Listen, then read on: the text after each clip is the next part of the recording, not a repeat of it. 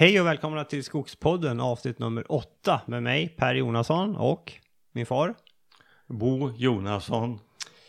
Jaha Bosse, eh, det här är alltså avsnitt åtta som vi spelar in och i normala fall så sitter vi i Bergslagen men det gör vi inte den här gången utan idag sitter vi i Småland i Vassemåla utanför Vimmerby.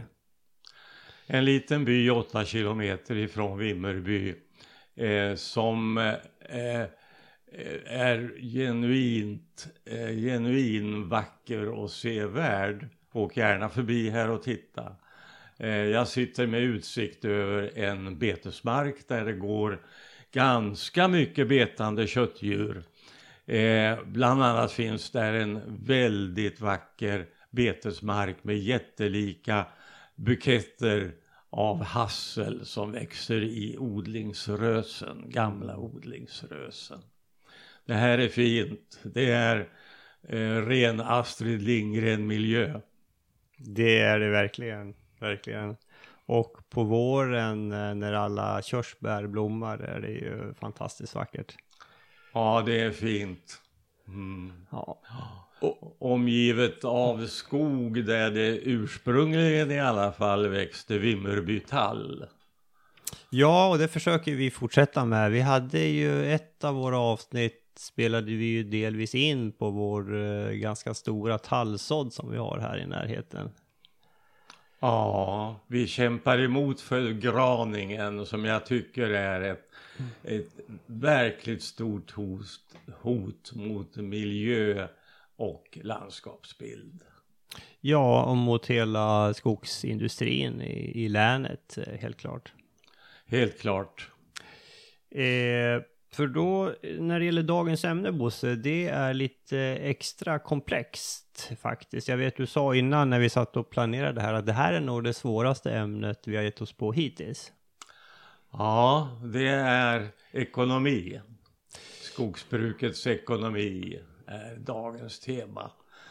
Precis. Och det är ju så att här eh, det, det, det, är alltså väldigt långsiktigt. Det är mm. intäkter och kostnader som ligger långt i framtiden. Som mm. ska vägas in när man värderar ett skog, en skog till exempel eh, om man är i den situationen att man tänker sig att köpa till skog.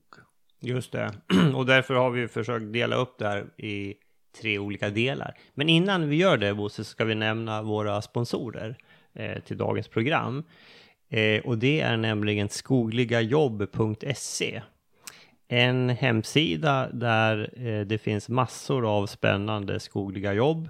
Just nu finns det, Skogsstyrelsen söker jobb. Vi har Stora Enso, vi har Holmen. Flera och några skogsägarna också har ett antal jobb inne. Så gå in på skogligajobb.se och kika på vad det finns Eh, om det finns något för dig där. Eh, sen vill jag också slå ett slag för Virkesforum som skogsindustrierna ordnar. Det är den eh, 14 september, det vill säga ganska snart, som eh, skogsindustrierna bjuder in till Virkesforum 2016. Fullspäckat program.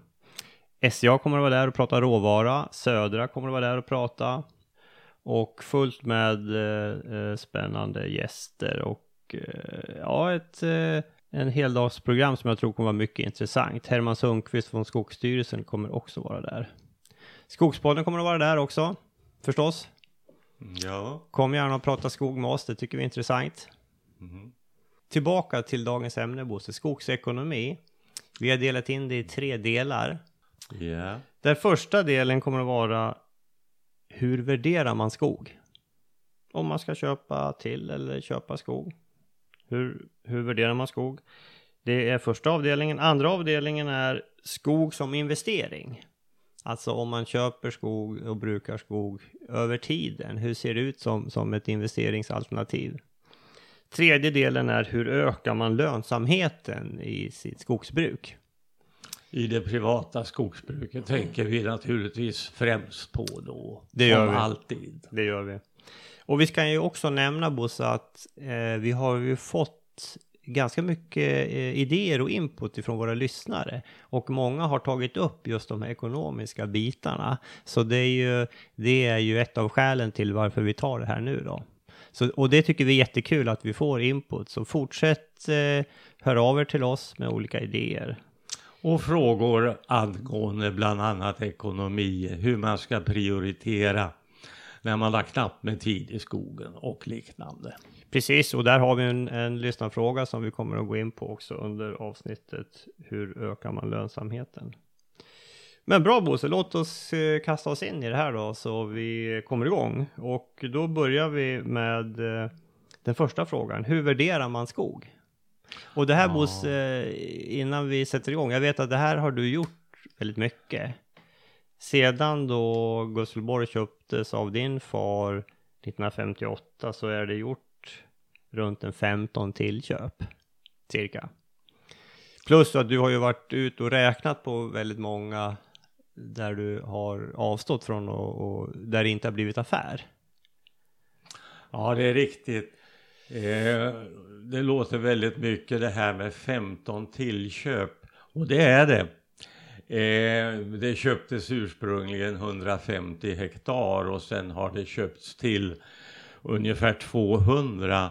Och det fina med det här är att alltihopa ligger i gräns med det ursprungliga.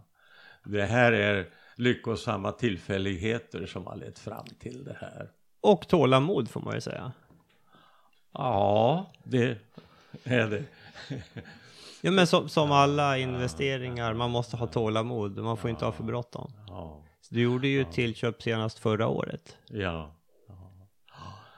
Ja, just det. Nej, men äh, när det gäller värdering, alltså det, äh, det finns ju en grundläggande princip. Äh, när Alltså bakgrunden är det långsiktiga i skogsbruket. Att mycket av intäkter och kostnader ligger långt i framtiden. Mm. Och hur det ska värderas. För det är ju så att en intäkt som kommer om 20 år den är inte lika mycket värd som om den kom idag. Mm. Utan det är ju räntan som kommer in i bilden här. Eh, principen eh, vid en rent matematisk värdering. Det, det, är ju det att alla intäkter och kostnader som ett skogsbruk eh, genererar ska diskonteras tillbaka till nutid så att man får ett nuvärde av alla dessa. Ja. Och där har det räntekrav som den här tilltänkta köparen har har där en väldigt stor betydelse. Eh, här pratar jag om räntorna 2 och 3 procent per år. Alltså, det här är en lågräntebransch. Mm. 2 och 3 procent. Och det låter ju inte så orimligt nu eftersom banken ger 0 procent. Mm. Då låter ju det här med skogsbruk ganska strålande. Mm. Men de här 2-3 procent det har varit även när vi hade mera normala räntelägen på kanske 5, 6 och upp till 7, 8, 9, 10 procent. Ja. Man måste räkna, eh, man måste värdera skog till de här nivåerna, 2-3 procent för att kunna köpa. Eh, jag ska bara nämna ett exempel. Nu är du inne på det matematiska. Ja. Mm, mm, mm. Nej men det var det är alltså räntans stora betydelse. Ja. Eh, om vi, vi tänker att vi har en intäkt om 10 år på 310 000 kronor. Mm och diskontera den till nutid med 2% ränta så är den i dagsläget värd 254 000. Ja. Om vi däremot använder 3 ränta så, så är, eh, motsvarande siffra 231 000. Alltså, vid 2% är det värt 254 000 och vid 3 procent eh, 231 000. Ja, och det här finns ju, det finns ju, eh, alltså formen är inte så komplex. Det finns ju tabeller för att, för att räkna fram nuvärdet om du har en, eh, en, en procentsumma ett visst antal år eh, framåt i tiden. Ja, eh, det här är ju väldigt, väldigt enkel matematik och lätt att slå på en räknare också. Ja, ja. ja. Mm. Eh, man kan ju lugnt utgå ifrån om man är eh, spekulant på en skogsfastighet, ett tillköp, att det finns en, en skogsbruksplan för den här fastigheten. Ja, ja. Men då är det frågan om hur exakt den är och hur mycket man kan lita på den. Mm. För små ofullkomligheter det finns nog i alla skogsbruksplaner. Nu har det tillkommit en sak på senare år här och det är att utnyttja eh, Lantmäteriets skanning av all skogsmark i Sverige. Just det. Och det här har jag använt nu under senaste året och funnit att det är ett utomordentligt bra stöd. Mm. Det är bättre att sitta på rummet med sin dator och utnyttja det här materialet när det gäller att få fram det totala virkesförrådet. Det totala virkesförrådet på hela fastigheten men också på delar på varje bestånd. Mm. Du har jämfört det här mot när du har mätt upp ute i skogen, eller hur? Ja, det har jag gjort därför att jag gjorde en noggrann inventering av 36 hektar som var tilltänkt att vi skulle sälja det. Eh, eh, alltså dels har vi gjort då en cirkelytetaxering av det här eh, korrekt och riktigt genomförd och som man får anta tämligen exakt. Ja. Och sen har vi då sett också vad skanningen ger där. Och det ger nära nog identiska resultat. Mm. Mycket imponerande. Alltså. Verkligen, verkligen. Jag trodde aldrig från början att man skulle eh, nå den, den säkerheten. Nej. Nej.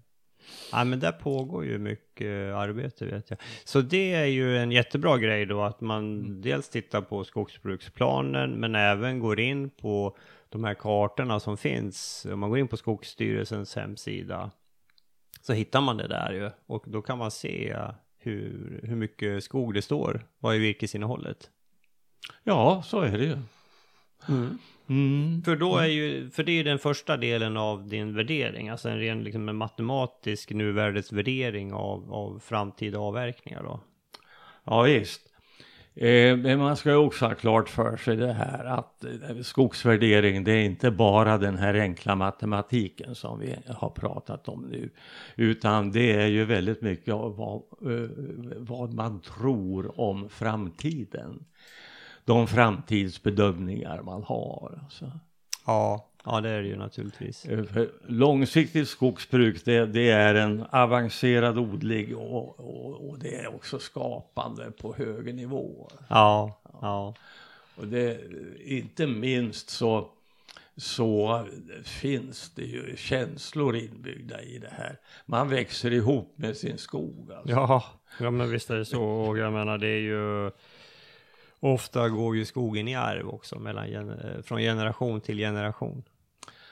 Vilket ju är väldigt viktigt i det här sammanhanget. Alltså att man, man ser det ju inte som någonting som man gör bara för sig själv. Utan det ska passa in i en familjs kontinuitet. Ja.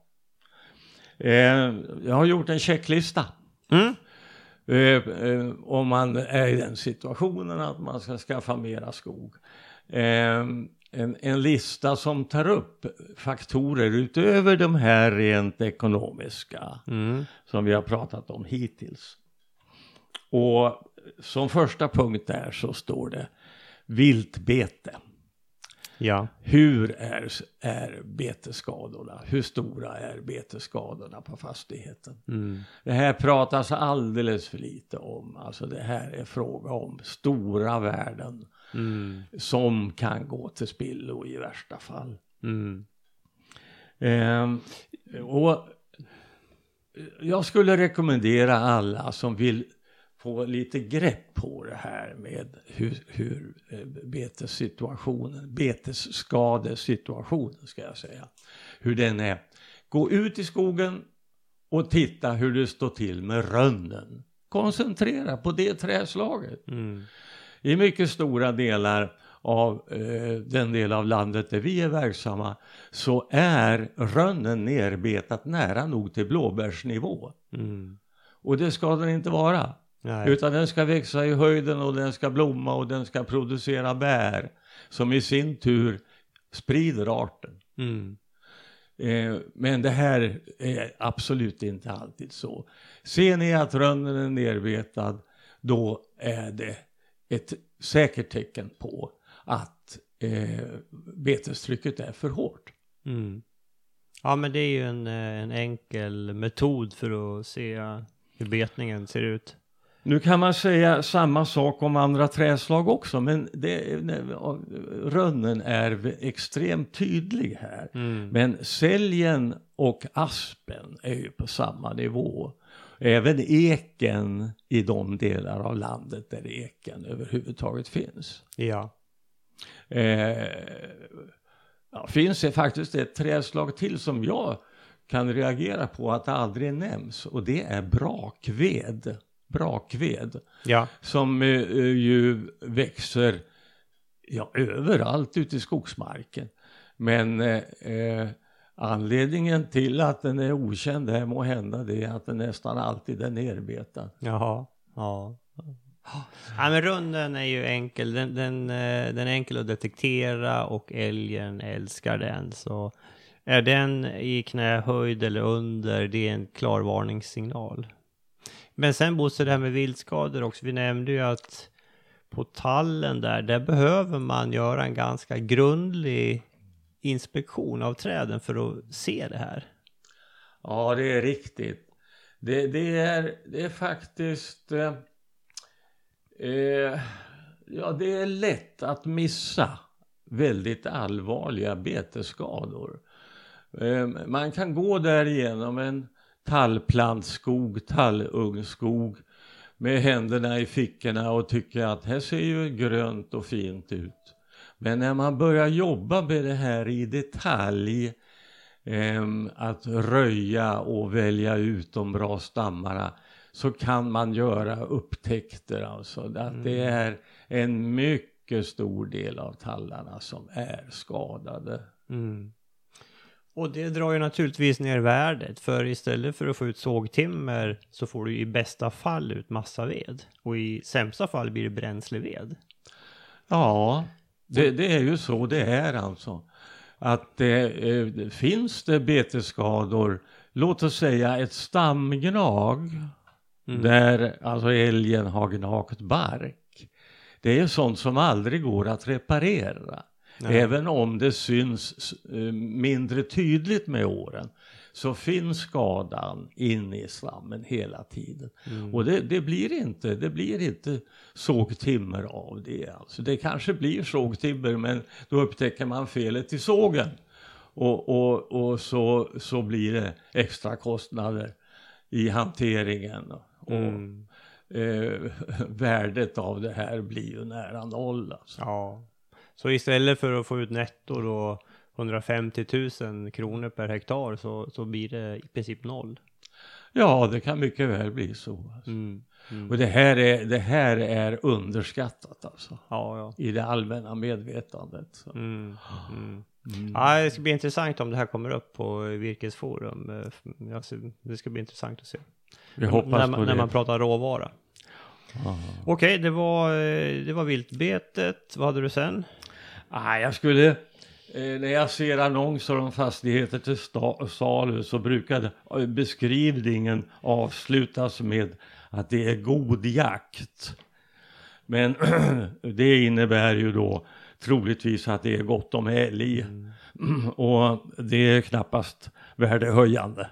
Nej, det är det ju inte. Nej, nej tvärtom. Det sänker ju priset.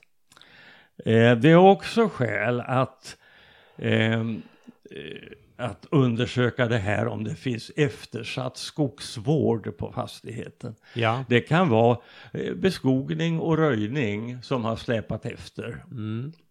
och förorsaka kostnader för den nya ägaren. Mm. Speciellt eh, beskogning kan ju vara svårt att komma ikapp med om, om en del av skogen har kommit upp. Om den är ojämn Ja. liksom. Ja, ja visst. Nej, det kan vara väldigt besvärligt. Det, det kan också vara gamla hyggen som har förvildats Mm. och som måste, ja, där man måste gå grundligt tillväga, röja ner allt, starta om med en markberedning. Mm. Och då kan gräset ha etablerat sig och det blir svårigheter för plantorna Ja. att komma upp. Ja. Mm. Ehm, är de här plantskogarna, är de beskogade med rätt träslag? Eller har man planterat gran på tallmark?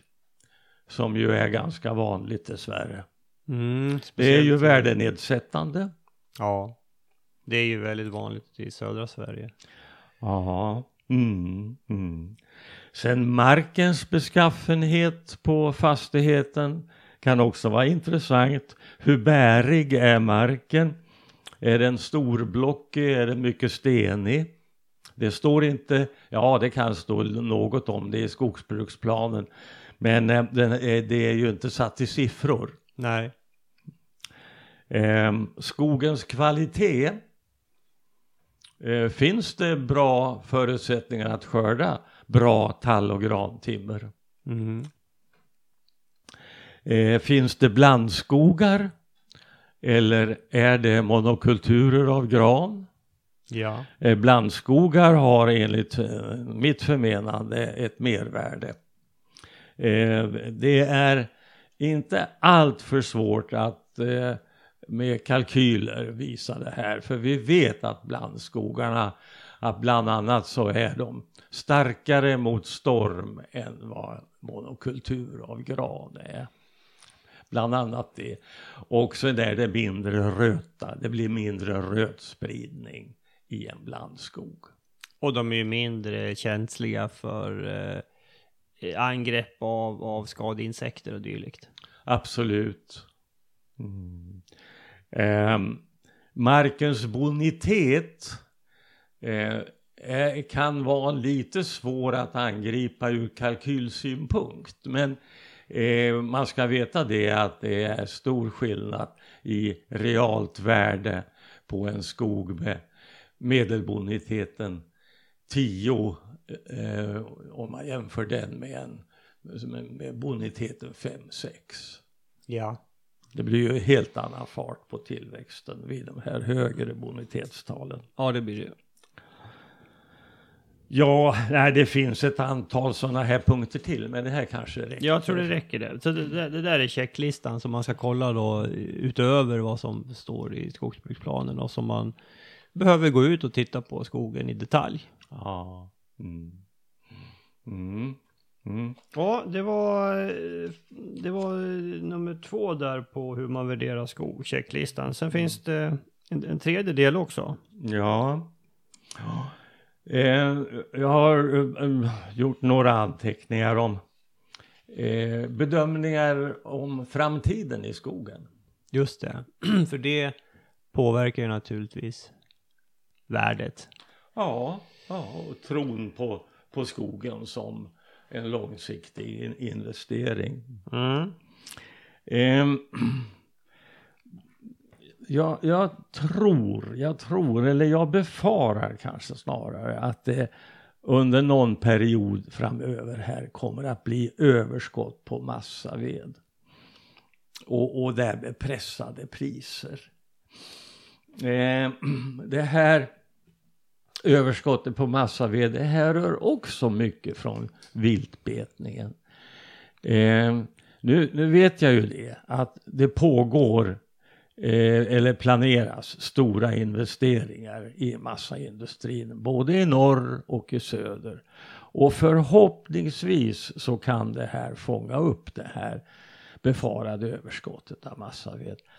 Men man kan inte känna sig säker. Nej. Men en sak man kan känna sig säker på det är att bra tall och grantimmer, det kommer det inte att bli överskott på. Nej. Det kommer att finnas efterfrågan. Mm.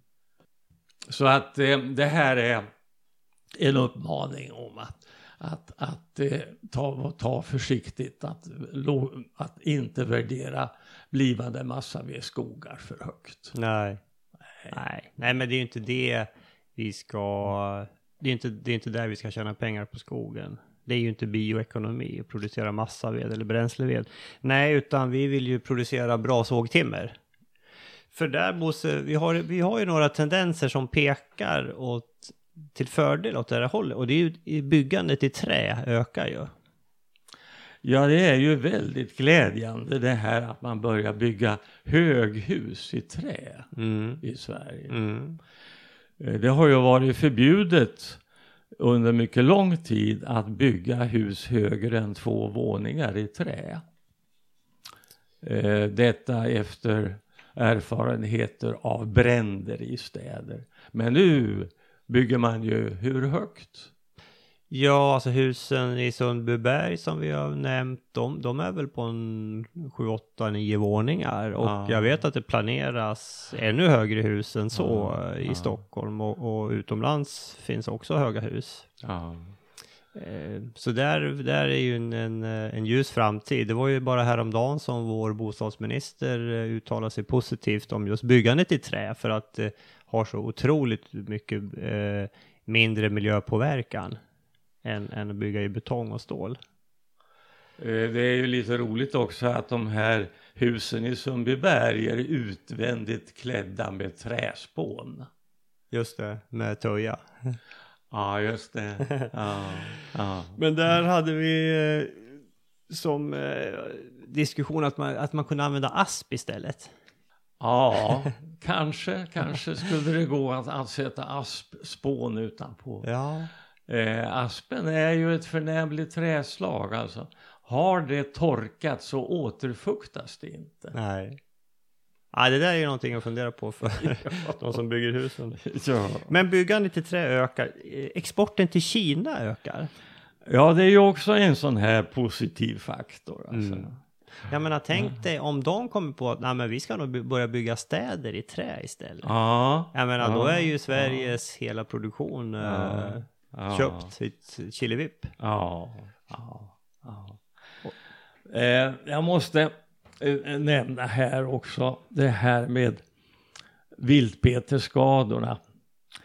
Eh, Sveaskog, eh, där på, på deras skogar har man uppskattat att tillväxtförlusten till följd av älgbetning är 8,5 procent av den totala tillväxten. Mm. Det är en chockerande hög siffra. Det här är i, i omräknat i kronor så är det gigantiska belopp. Alltså. Ja, det är det. är ju det är ju ungefär som du skulle köpa, eh, säg att du köper en indexfond, men fondförvaltaren han tar 8% varje år av, eh, av ökningen. Ja. Mm. Mm. Det är, det är liksom hedge, hedgefondnivå på den avgiften nästan. Ja. Mm. Ehm, Men jag undrar Bosse, kom du in på vårt steg nummer två där, alltså skog som investering? nej. Nej. nej, det har jag inte gjort än. Nej, du är fortfarande på hur man värderar skog? Ja, det är Okej, det. Det, är ja. det. det här är ju bedömningar om framtiden. Okej, Mm. okej. Och då, eh, för just viltskadorna, Mm. Är det mycket vilt så tar de en del av tillväxten helt klart. Plus Ja. kvalitetsnedsättningen då förstås. Att du kan, istället för att få sågtimmer kan du få bränsleved. Och eh, det är också, innebär också en fördyrad skötsel av skogen. Eh, den här eh, eh, röjningen kanske måste göras i flera omgångar. Ja. Och kanske som, som vi gör här nere nu i Småland när vi går och sprutar eh, fårfett på tallen. Ja. Eh, nämnde du Bosse att en, ett bra input till det här är ju naturligtvis äbin-siffrorna som Skogsstyrelsen kommer ut med. Där kan man ju se nivån för området eh, det tilltänkta köpet är i. Ja, eh, vi har inte nämnt Äbin här men, men eh, där har man ju ett material som säger ganska mycket om situationen. Även historiskt hur utvecklingen har varit. Eh, Äben anger ju andelen färska betesskador. Och i det här området vi sitter nu så ligger det på 17 procent på produktionsstammar tall. Vilket är, eh, det säger sig självt att det, det, blir ingen, det blir ingen skog av det, tyvärr. Alltså 17 procent per år. Alltså innan tallen har kommit upp till, till älgsäker höjd. Så, så ja, det är, det är inte mycket tall kvar helt enkelt. Nej. Det, så sorglig är situationen alltså. Mm. Ja, bedrövligt. Och, och det, här forts, det här förorsakar den här fortsatta förgraningen Mm. av eh, bland annat Småland. Det ser man också i Abbin-siffrorna. Ja. Mm. Eh, Men Bosse, har vi klämt kapitlet hur värderar man skog nu då? Lite hastigt. Ja, nu, nu har vi allt kortat ner det hörde du för att eh, eh, här, här Har du mer an antaganden då, eller? Ja, eh, eh, ja, just det. Jag bör nämna det här att 90-årig mogen barrskog växer i volym eh, ungefär 2,2 till 2,5 procent per år. Mm. Och utöver det här, den här tillväxten eh, så, så tillkommer ju också en värdeökning genom att träden blir grövre och kvaliteten förhoppningsvis bättre. Låt oss säga att man lägger till en procent för det så är man ändå uppe i en eh, förräntning då på ja, 3 till 3,5 procent lite grovt räknat. Ja. Och det, den här ganska låga förräntningen det är ju eh, det är ju det som gör eh, skogen avverkningsmogen. Det vill säga att det är bättre ekonomi att avverka den och börja om med nybeskogning. Just det. Ja, det här är ju en avvägning. Men där Bosse, jag vet att du spar ju, dina skogar, våra skogar är ju gamla. Ja, det, det är det. Vi, vi har ganska långa omloppstider. Det, Det är ju vi avverkar dem, i alla fall inte tallen vid 100 år utan, utan vi, vi låter den bli 120-130 år. Mm. Men utöver det så, så ska det nog inte stå någon skog utan jag, jag tror att, att vi får ålägga oss den restriktionen att vi får se till att vi slutar verka det senast vid 130 år. Ja. För sen, det finns ju en viss risk för röta även i tall. Om den blir gammal. Det kan bli så, ja. ja. Ja, Vi har erfarit det här bland annat där vi sitter nu nere i Småland. ja för där var tallen 150 år. Ja, det var till och med 160. 160, ja. Det är kyrktaksålder på den. Ja. Men då får man alltså räkna med relativt låg förräntning de sista åren. Det är det du säger. Ja, nu måste man ju också ta in här i beräkningen det här med prisvariationer mellan åren. Man kan ju då skjuta upp eh, tillfälligt och, och hoppas på bättre priser nästa år. Bättre Mm. efterfrågan helt enkelt. Ja, just det. Eh, Men man ska ju också, det positiva med att ha eh, hög ålder är ju just att den, den, den biologiska mångfalden blir ju väldigt stor. Det pratade vi om i förra avsnittet. Ja, ja. Så kan man låta skogen stå så är det ju positivt både från eh, kvalitet och, och, och pengamässigt och biologisk mångfald. Ja visst, eh, alltså någon litet hörn på skogen, det kan man väl alltid låta gå upp till riktigt hög ålder. Alltså en pelarsal i varje skog bör det finnas. Mm. Mm. Men nu, nu pratar jag skönhetsvärden och, och andra, eh, andra känslor. Ja. Ja. Det, det har vi kommit långt ifrån ekonomin. Ja, nej men då, det, det är ju, det är ju, det är ju det vi satsar på naturligtvis. Och ska vi ta en sak till bara på det här, det här kapitlet, Mm, mm. delkapitlet. Jag har framför mig eh, papper på ett antal slutavverkningar. Dels på Gusselborg, dels på Vassemåla. Eh, med, eh, avsikten med det här har varit att ta fram hur stor andel av en slutavverkning blir sågbar, det vill säga sågtimmer och sågkubb och klentimmer. Ja. Resten blir alltså massaved och eventuellt bränsleved. Mm. På Gusselborg är det 11 slutavverkningar som har gett i genomsnitt 76 procent sågbart virke. Mm. På Vassemåla har fem slutavverkningar gett i genomsnitt 80 procent sågbart virke. Och på Vassemåla är det också två fröträdsavverkningar som har gett 84 procent sågbart virke. Det här är alltså ganska höga siffror. Ja, det är höga siffror. Inte ganska, utan rejält höga siffror. Mm. Eh, jag kan inte tänka mig att våra älgbetade ungskogar när de slutar verkas en gång kommer att ge siffror i närheten av det här. Alltså. Nej. Det blir en mycket större massaved och Ja. bränslevedsandel. Mm, Precis. Och då, och då just det här begreppet bioekonomi. Det bygger ju på att vi får en hög andel sågtimmer. Och då ska man ju lägga till också att även industrin behöver bra och högkvalitativt timmer. Alltså. Det, är, det är inte bara skogsägaren som producerar för att få ut mycket pengar ur just den avverkningen. Utan det här är viktigt också för en livskraftig sågverksindustri. Ja. Ja men det är ju en nationell resurs som vi ska utnyttja på bästa sätt. Ja, visst, och utveckla. Och utveckla. Mm. Det skapar jobb också. Ja. Bra. Eh, det där var, var det första delen då, hur man värderar skog.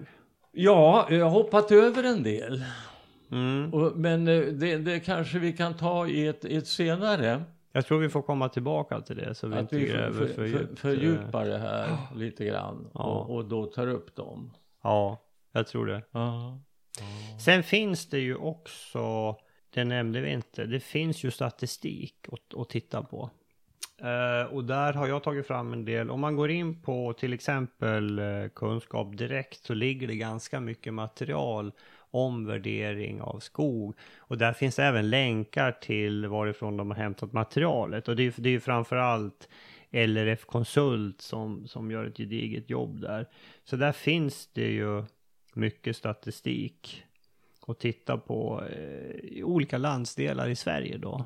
Prisut, pris eh, per, eh, ja, per hektar och per skogskubikmeter och utveckling över tid också.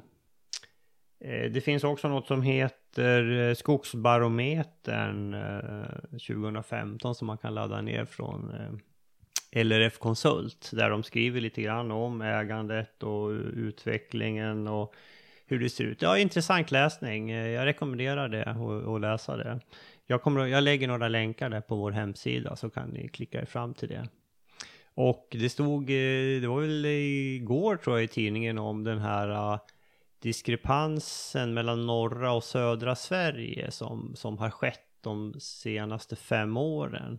Där eh, skogspriserna har gått ner i norra Sverige och ökat i södra Sverige.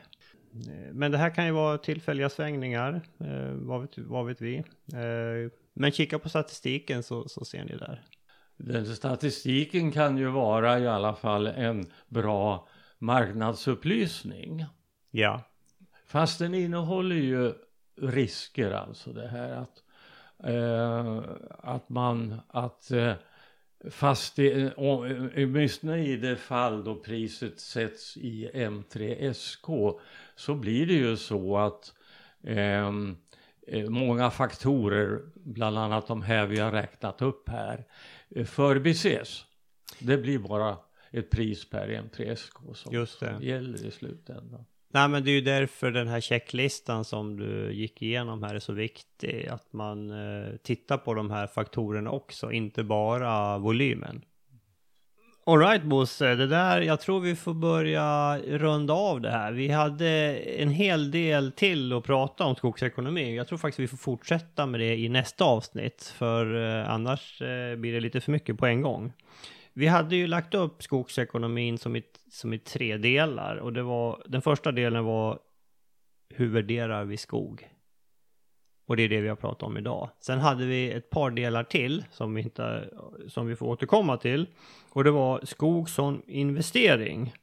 Och där ska vi jämföra lite grann ah, skog och aktier. Hur det har utvecklat sig under, under vissa perioder på 1900-talet.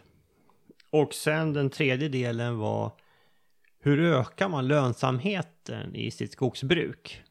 Och där har vi fått in en del lyssnarfrågor på specifika fall som vi tänkte kika lite grann på.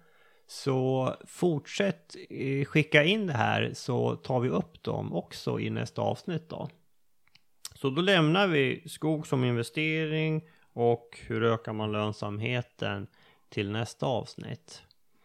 Eh, men då Bosse, innan vi stänger det här avsnittet, låt oss repetera lite grann vad vi har pratat om eftersom eh, det här är ett komplext ämne, eh, helt klart. Men huvudtemat idag var alltså hur värderar man skog? Och i princip har du gått igenom tre delar, Bosse. Den första delen, det var den här rent matematiska, där du gör en, en, en nuvärdesberäkning av framtida intäkter i skogen. Där används skog... Och kostnader ska vi lägga Och till. kostnader naturligtvis. Använd skogsbruksplanen, se vad, vilka gallringar, vilka avverk, avverkningar kan du göra i framtiden och hur långt i tiden eh, ligger de och sen gör en nuvärdesberäkning till dagens spänningsvärde då för, för, för att få, få någon form av, av eh, kassaflödesberäkning. Det var den ena. Eh, det andra, det var den här checklistan som du gick igenom Bosse, det som inte står i skogsbruksplanen eller i mäklarprospektet. Mm. Och där tryckte du framför allt på kvaliteten på den skog som står. Mm. Och kanske extra tryckte du på det här med viltskador. Hur är viltbetningen? Ja. För det är ju mm. väldigt avgörande för kvaliteten. Och där ska vi använda Ebin också. Eh, tredje delen, det var antaganden om framtiden.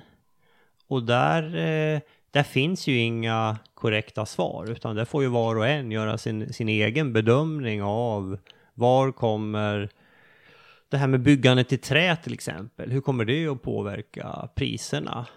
Hur kommer eh, du var inne på Bosse det här med, eh, du tror på ett överskott av massa och ett underskott av sågtimmer. Hur kommer det att påverka priserna? Men här får man ju göra sina egna antaganden då, för här ska man ju titta långt in i framtiden.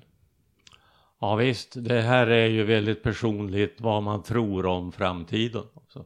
Mm, mm. Mm. Men det var väl de, de tre delarna på hur man värderar skog då. Någonting du vill lägga till där Bosse? Nej, jag tycker nog att det räcker med, med det som är sagt här. Mm, mm.